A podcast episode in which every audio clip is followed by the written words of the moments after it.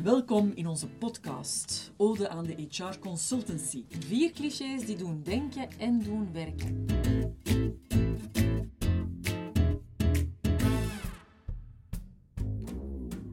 Naast mij zit professor Dr. Peggy de Prins, professor HR en arbeidsrelaties aan de Antwerp Management School.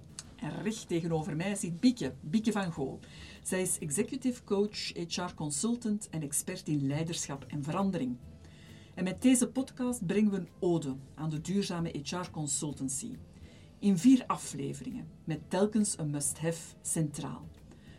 We willen hier heel duidelijk het HR consultancy beroep mee positief in de kijker zetten. We willen studenten, maar ook professionals, maar ook opdrachtgevers positief inspireren. En vier krachtige to-do's meegeven. Als je die vier must-haves uit onze podcast erkent en toepast, wordt duidelijk dat HR consultancy een eervol beroep is met bijzonder veel toegevoegde waarde voor de klant, voor de business en ook een beroep of een vak waarin met heel veel passie en voldoening kan gewerkt worden. Onze centrale vraag is: wanneer en waarom excelleert HR consultancy?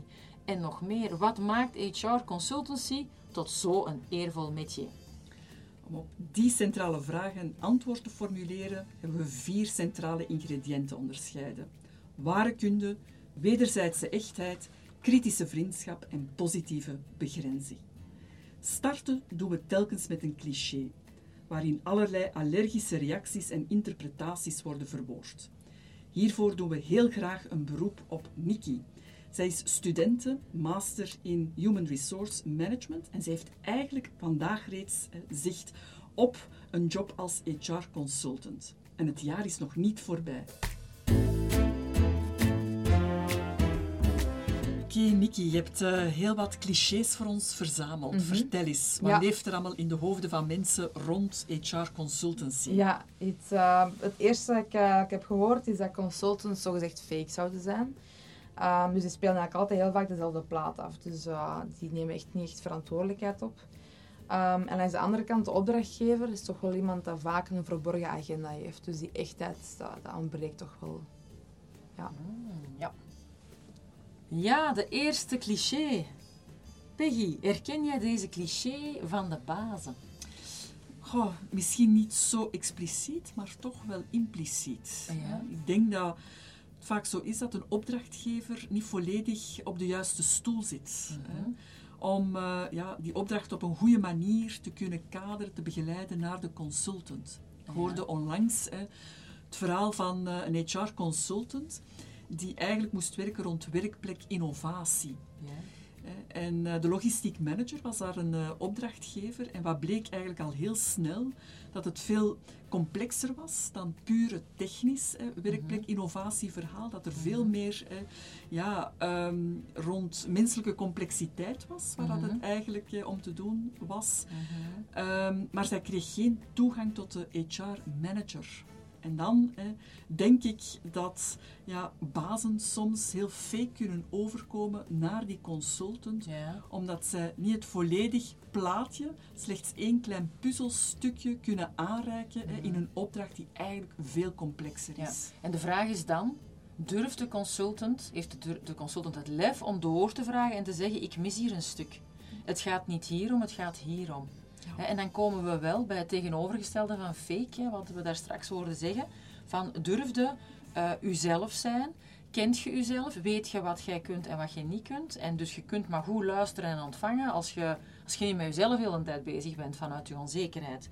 Dus ehm, doorvragen, oog hebben voor de context, de echte behoeften van de klant.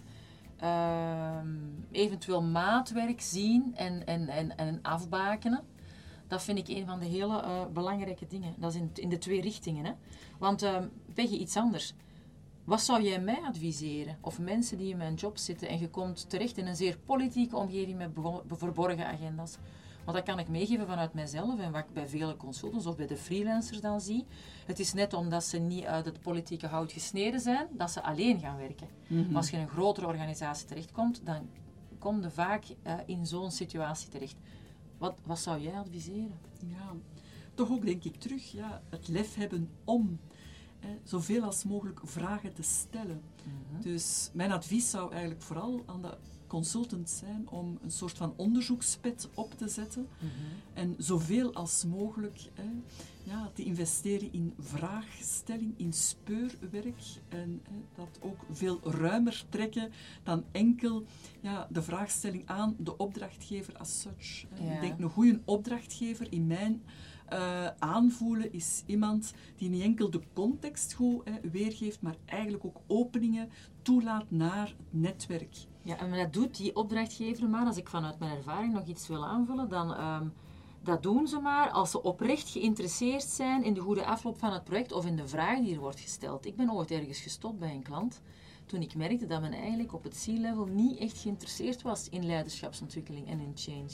Ja. Dus eh, Niks zo erg, denk ik, als consultant om een opdracht hè, te, moeten, ja, te moeten doen voor een, een onverschillige baas. Ja. Of een baas die dermate gefrustreerd is door de interne politiek hè, of de politieke spelletjes.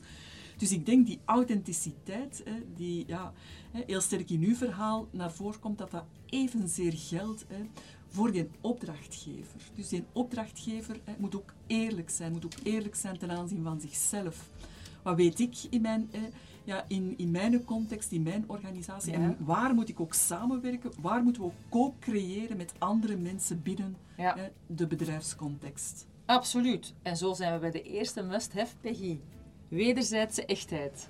Absoluut. En voor mij blijft dat eh, investeren langs de kant eh, van een opdrachtgever, in goed opdrachtgeverschap.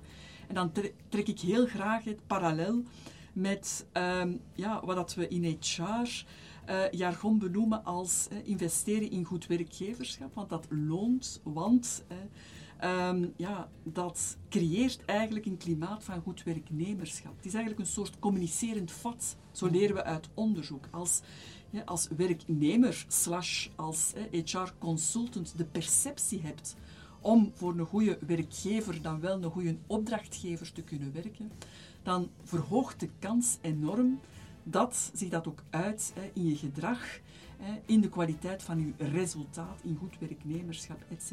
Dus voor mij is het absoluut hè, een communicerend vat. Hè, is het een wederzijds investeren in die echtheid, hè, in goed opdrachtgeverschap en in de authenticiteit als HR-consultant. Voilà. Dank u, Bieke. Dankjewel, Peggy.